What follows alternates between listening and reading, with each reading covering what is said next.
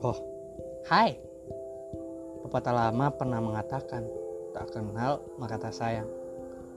Perkenalkan, aku Aditya dari podcast Bumantara. Di sini aku akan banyak berbagi cerita dan semoga kalian suka. Terima kasih.